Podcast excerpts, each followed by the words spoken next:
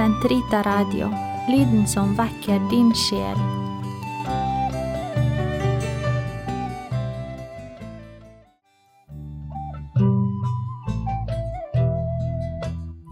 Sentrita Radio, lyden som vekker din sjel.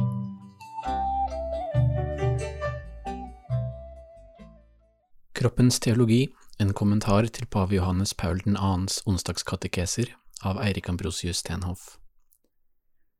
Totus tuus ego sum, et omnia mea tua sunt, archipio te in mea omnia, prebe mi cor tum Maria. Episode 11 Livet i ånden Er det mulig å leve på denne måten? Katekesene 50 til 63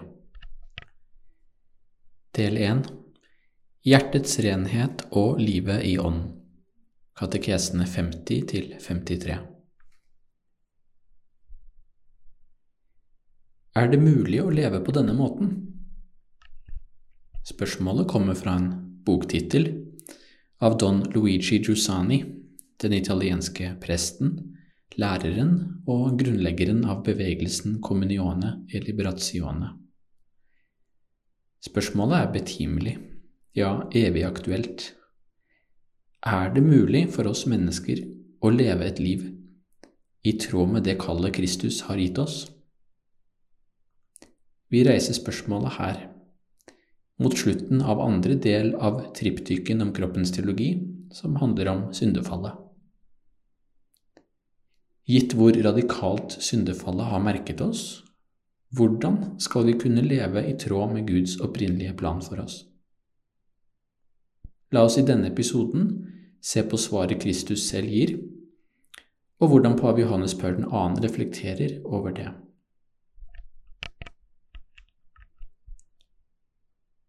Pavens meditasjon over syndefallets konsekvenser for kroppens teologi ender i det han kaller for et forløsningens etos. Kristus er ikke kommet simpelthen for å bringe en fordømmelse over mennesket. Han peker i stedet ut en ny måte å leve på. I lys av den forløsningen fra arvesyndens vilkår som hele menneskeheten er rammet av.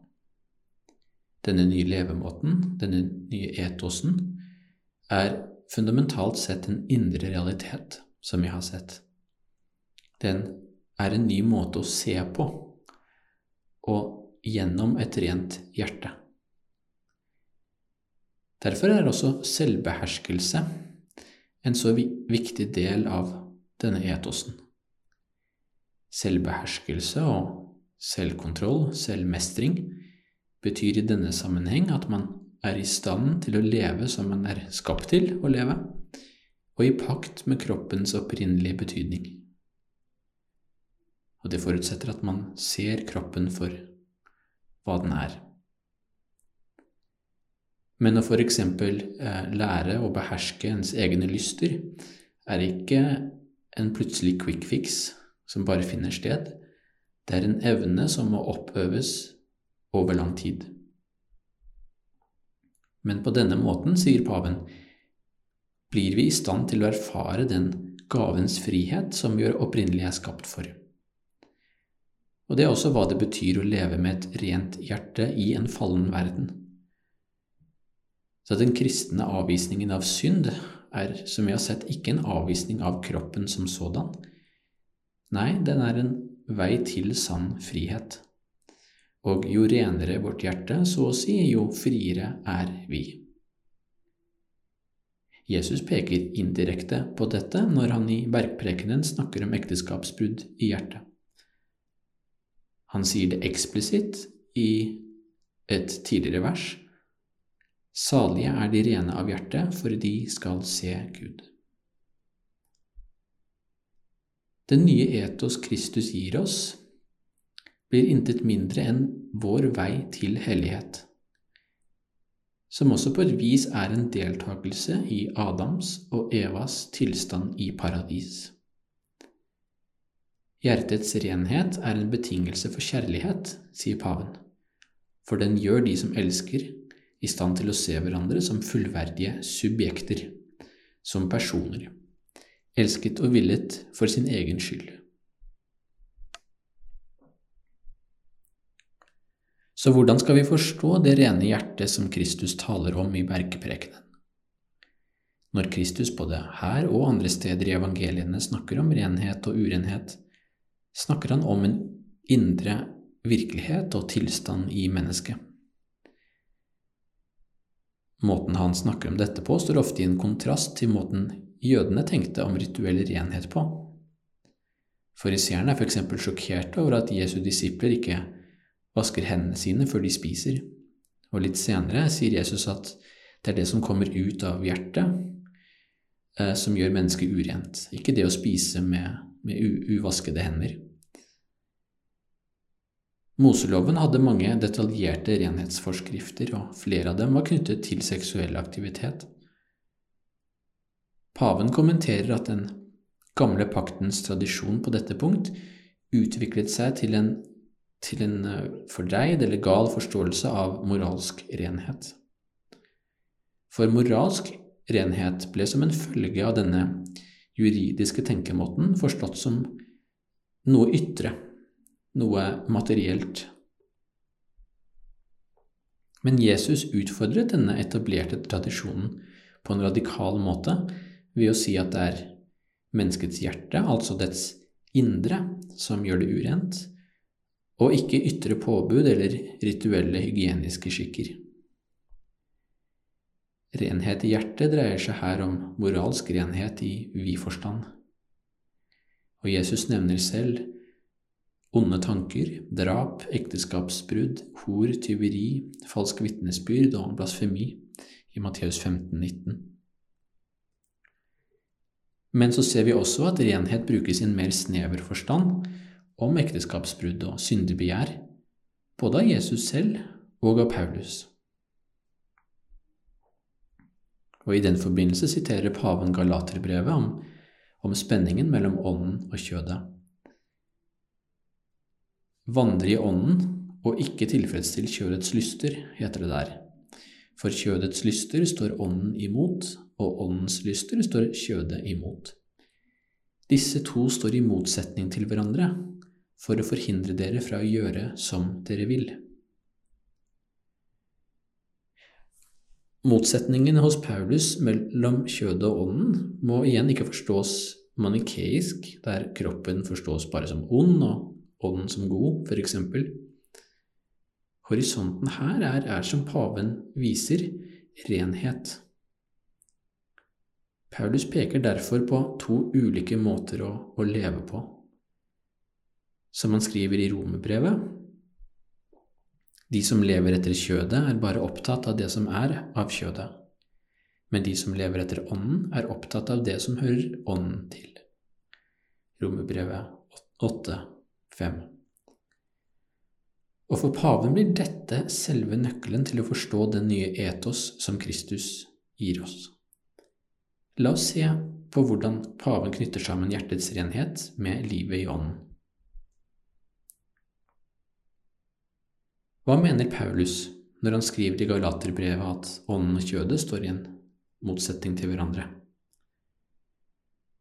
Og som, som nevnt er paven nøye med å understreke at Paulus ikke identifiserer kjødet, som er det greske ordet sarx, med kroppen som sådan. Det var en sterk tendens til dette i samtidens helenistiske tenkning, samt i senere gnostiske bevegelser og kristne kjetterier.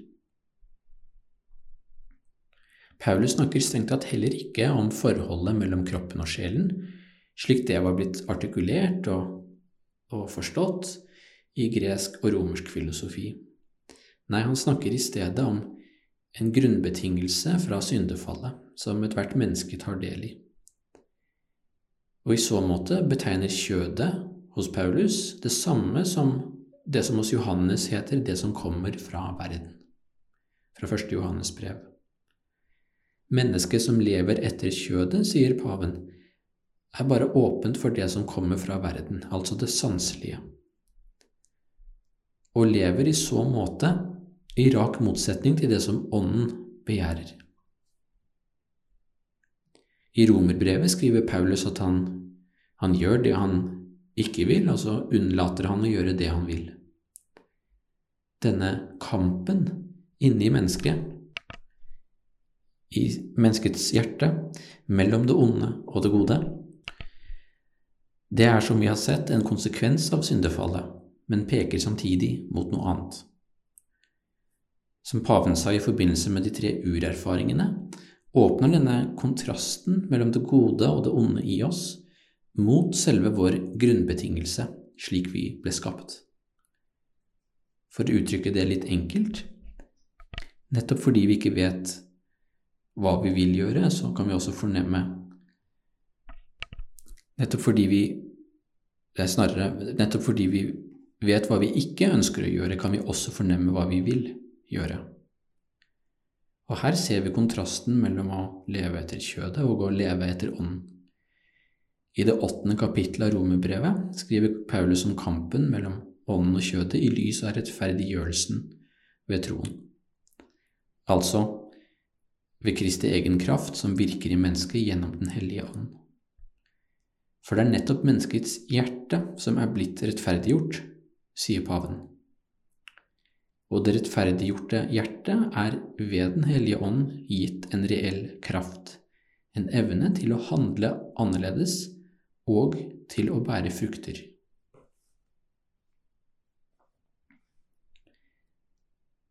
Derfor skriver Paulus i Galaterbrevet i et lignende register som i Romerbrevet om kjødets gjerninger og åndens frukter.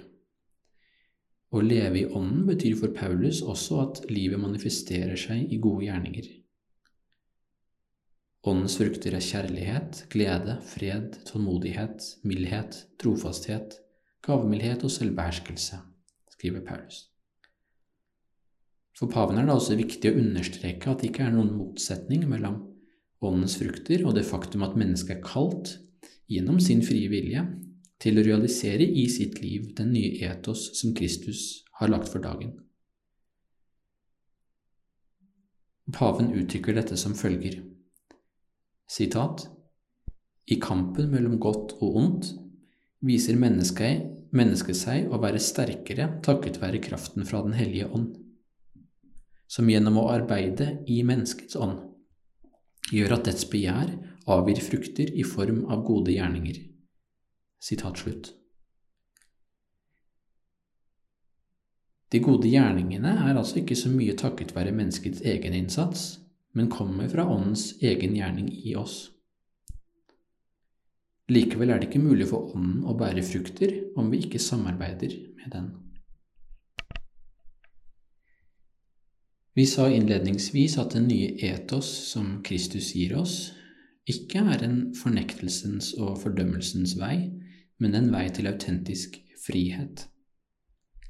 I Galaterbrevet legger Paulus stor vekt på den kristnes frihet, nettopp i Kristus, fri fra kjødets makt og fri til å elske Gud og sin neste i Ånden. For å leve i Ånden er å leve i denne friheten. I Galaterbrevet 5, vers 13 og 14 står det Dere er kalt til frihet, brødre. La bare ikke friheten bli et påskudd for å leve etter kjødet, men tjen hverandre i kjærlighet. For hele loven blir sammenfattet i dette ene bud. Du skal elske de neste som deg selv. Paven kommenterer dette avsnittet med å peke på distinksjonen mellom kjødet og ånden, som indirekte finnes også her. For hele loven, sier Paulus, sammenfattes i kjærlighetsbudet, og dette kjærlighetsbudet er samtidig en appell til vår frihet, til det paven kaller den mest fullkomne realisering av menneskets egne krefter. Og ved å la Ånden virke i oss, ja, det er nettopp da vi kan gjøre det vi vil, som han skriver i Paulus skriver i Galaterbrevet. Og å gjøre det vi vil, er dypest sett å leve i pakt med måten Gud har skapt oss på. Pavens kommentarer her inngår i en stor og komplisert tolkningstradisjon om rettferdiggjørelse hos Paulus, som på reformasjonstiden også førte til dype teologiske og kirkelige splittelser. Den diskusjonen ligger for så vidt utenfor rekkevidden til både onsdagskatekesene og i alle fall denne kommentaren.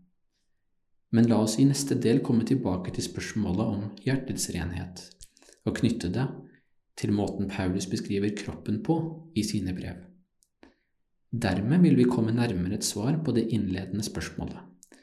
Er det mulig å leve på den måten som Kristus innbyr til?